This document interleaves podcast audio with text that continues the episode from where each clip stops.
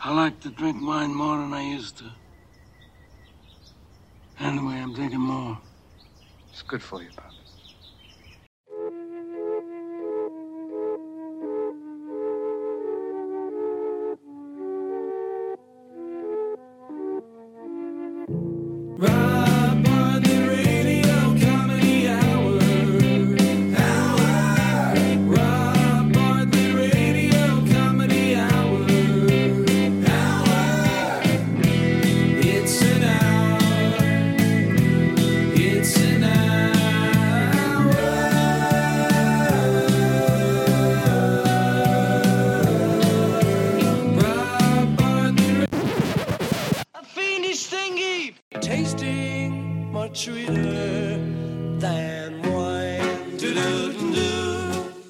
Welcome, boys and girls, to another edition of A Fiendish Thingy, the great daily podcast spin off experiment of the Rob Bartlett Radio Comedy Hour. It's a little different than the traditional radio comedy hour, which uh, will be back in all its glory on Thursday.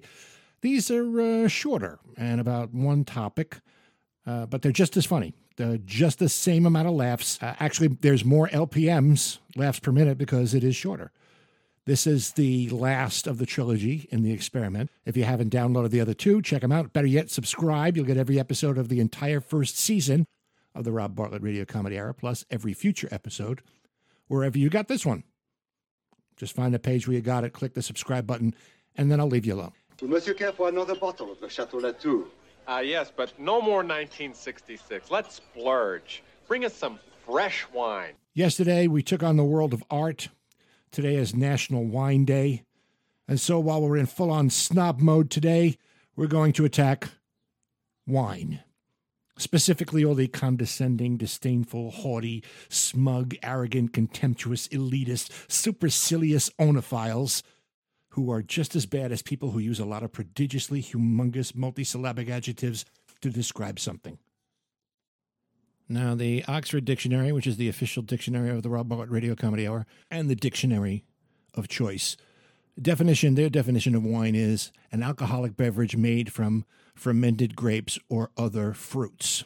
Seems pretty simple. And there's a, about a billion quotes from famous people about wine. Everything from the connoisseur does not drink wine but tastes of its secrets.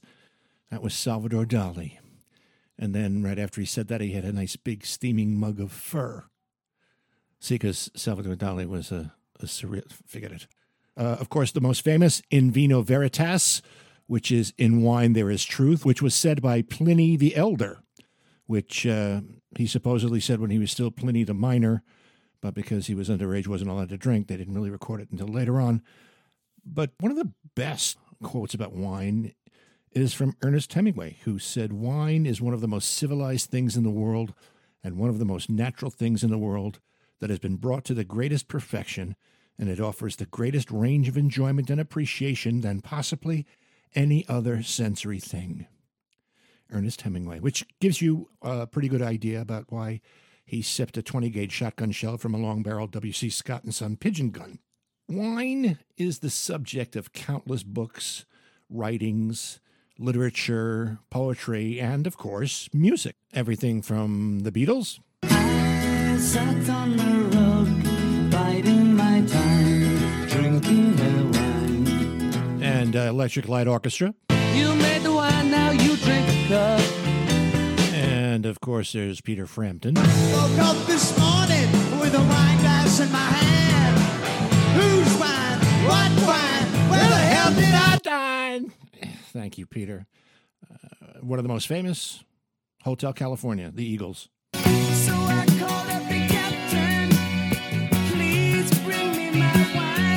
And of course, later on in that song, there's the line Pink Champagne on Ice. My point is that wine is a popular subject for a lot of things. Uh, the earliest evidence of grape based fermented drink was found in China, dating back to 7000 BC, which meant that the cavemen, even the cavemen, needed to get lit every once in a while. The oldest known winery was discovered in a cave in Armenia, which dated to around 4100 BC. At the archaeological site, they found a wine press and fermentation vats and jars and, and cups and I wonder if the ancient Armenians had tours and tastings like they do now, you know, in every state of the union. In fact, New Jersey is the host of the oldest winery in the United States. It's right near uh, Atlantic City. It's the Renault Winery. And their big claim to fame is blueberry champagne. I am not drinking any fucking Merlot. It's part of uh, many, many religious ceremonies, you know, in, in the in the Jewish religion and the uh, Christian religion, of course.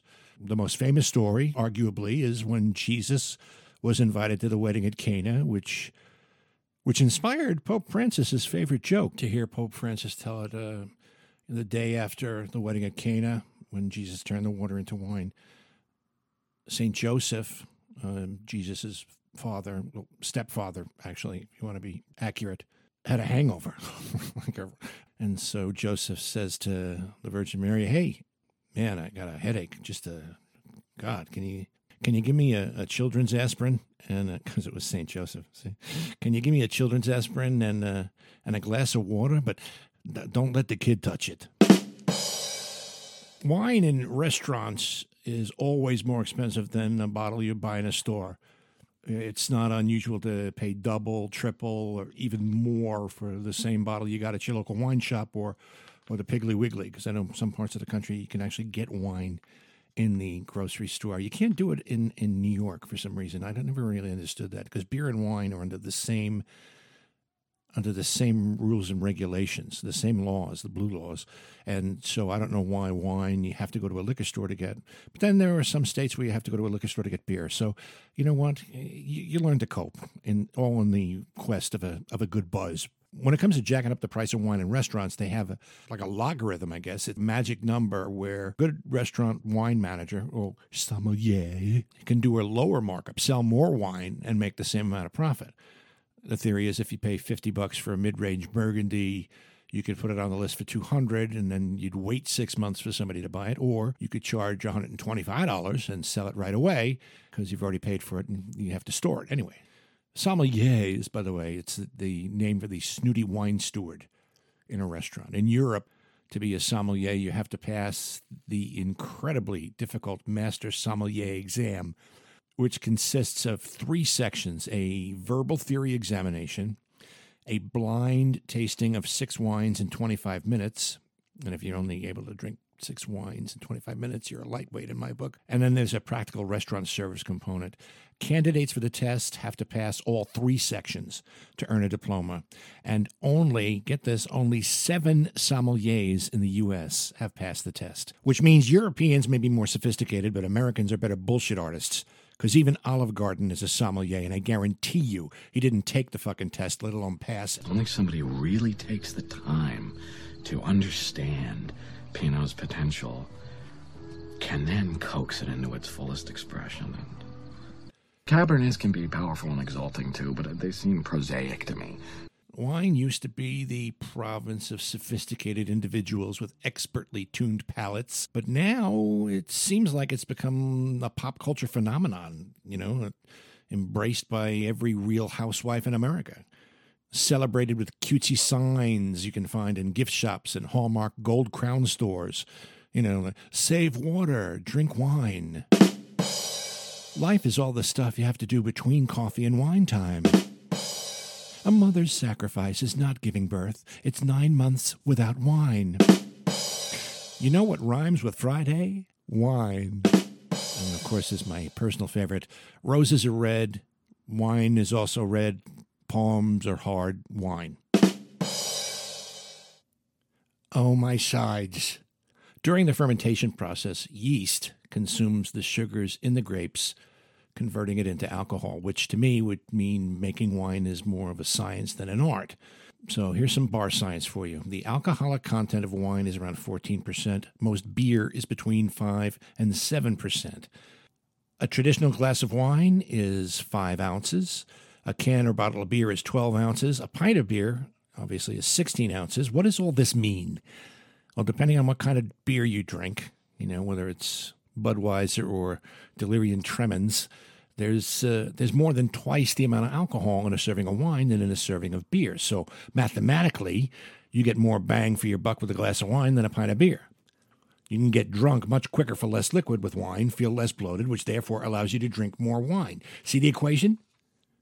Quick translation you can get much more fucked up on wine than beer. Which is why I don't understand why Hooters doesn't have wine on tap. Well, actually, I do. It's because you can't chug wine. You're supposed to sip wine because that's the proper way to drink it if you listen to wine experts. when I was in high school, nobody was sipping Boone's Farm. We were pouring it into our mouths like baby birds drinking from a fountain. There's a couple good movies about wine. Um, Bottle Shock with Alan Rickman, which is about how California winemakers surprised the snotty French in some big ass wine tasting competition. Somm, which is a documentary about that test, the sommelier test I was talking about earlier.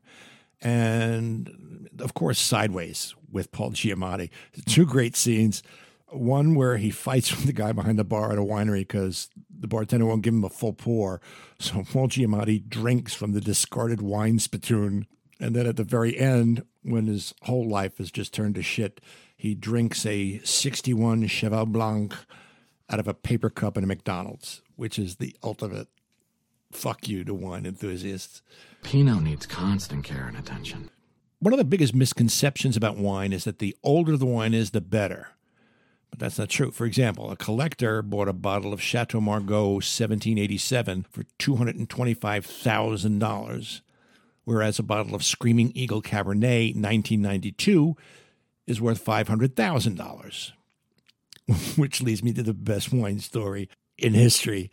The guy who bought the aforementioned Chateau Margaux for 225 grand bought it during a dinner at the Four Seasons but unfortunately nobody got to taste it because a waiter knocked it over and it spilled out onto the table which just you know makes me picture this asshole weeping and sucking on the tablecloth now doctors say that wine is good for your heart up to one drink per day for women and up to two drinks per day for men um, drinking wine results in a 30% reduction in the risk of a heart attack apparently compared to non-drinkers which makes sense. I mean, you know, getting a buzz on is the easiest way to lower your blood pressure, making you less likely to have the big one. But here's a study that I am choosing to personally believe in.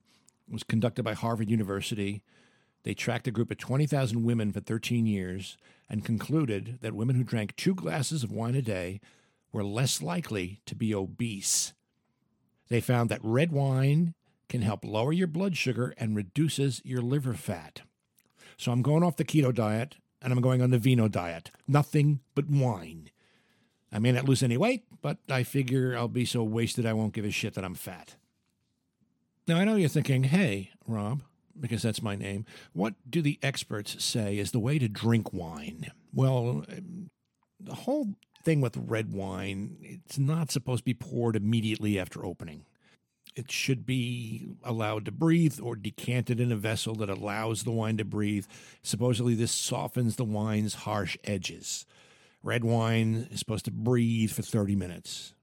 Unless you're eating in a restaurant with really shitty service, the waiter's coming back in about 10 minutes to pour. And then when you order the second bottle, he pours it right out of the bottle the minute he opens it. So, so much for that shit. So I thought I should probably show you all how to properly open and taste wine. I know this is basically radio, but maybe you can do it along with me as you listen to this, provided you're not listening to this while you're driving to work. So, so I'm going to pause now, and I'll wait for you to go get a bottle of wine, a corkscrew, and a glass, and um, I'll be here when you get back.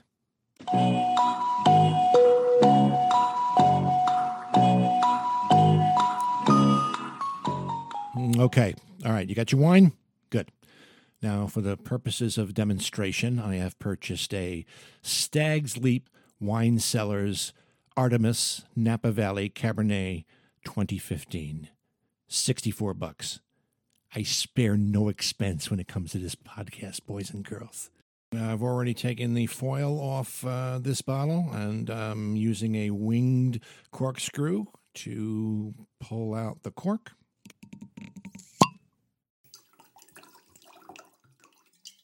Now you sip.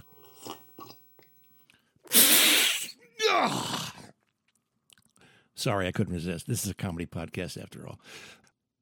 I recommend you do that in a really fancy restaurant with a really expensive bottle of wine just to fuck with the sommelier. Trust me, Making uh, your date laugh will impress her a hell of a lot more than if you go through the charade of making it seem like you're some kind of wine connoisseur. There's a big controversy now over wine with screw tops. The pretentious wine douche nozzles turn their noses up, but supposedly it's much better for the wine and, and makes it less likely to go bad because it seals better than a cork. I don't know. Um, I either go with a box of wine, you know, with the plastic spigot, or the latest trend.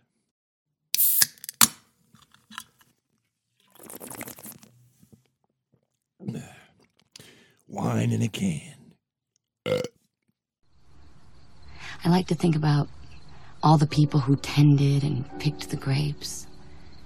And if it's an old wine, how many of them must be dead by now? The other night, um, I'm watching the sunset sitting beside my wife, and uh, I have a bottle of wine, a magnum of wine. Actually, she'd had most of the bottle I bought, um, but it was a hot day and she was thirsty. Uh, anyway, we're watching the sun go down, and she says, You know, I love you.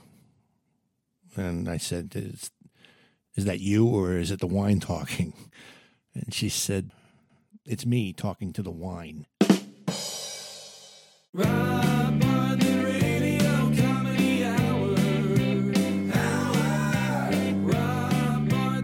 Thanks for listening to a fiendish thingy. If you liked it, you want to hear more from time to time, along with the usual podcast with the bits and the music and all that, drop us an email, Robio Radio Comedy Hour at gmail.com. And of course, check us out on Twitter at the Robio, on Instagram, Robio007, and of course, the Rob Bartlett Radio Comedy Hour Facebook page, where you get updates on the Do You Want to Know a Secret tour I'm doing with my friend, Liverpool legend, British invasion artist Billy J. Kramer. Music, comedy, great untold stories about his time with the Beatles, all the crazy shit that went down when they were there together. We'll be hitting a couple of theaters and clubs this summer, so you can get all that info right there on the Facebook page. You need a gift for Father's Day, give the gift of laughter. Ruthless Spectator Presents. It's available on Amazon.com on DVD. Pretty cheap, multiple yucks for not a lot of bucks. Dads and grads, spread the word. Share the joy about this podcast with your friends and family. Program produced by Gary Grant and me, Rob Bartlett. No animals were harmed in the recording of this podcast. See you Thursday for the regular edition of the Rob Bartlett Radio Comedy Hour. And until then, be good to each other, won't you? I wanna tell her that I love her a lot, but I gotta get a belly full of wine. Her Majesty's a pretty nice girl. Someday I'm gonna make her mine. Oh yeah, someday I'm gonna make her mine. I am not drinking any fucking Merlot!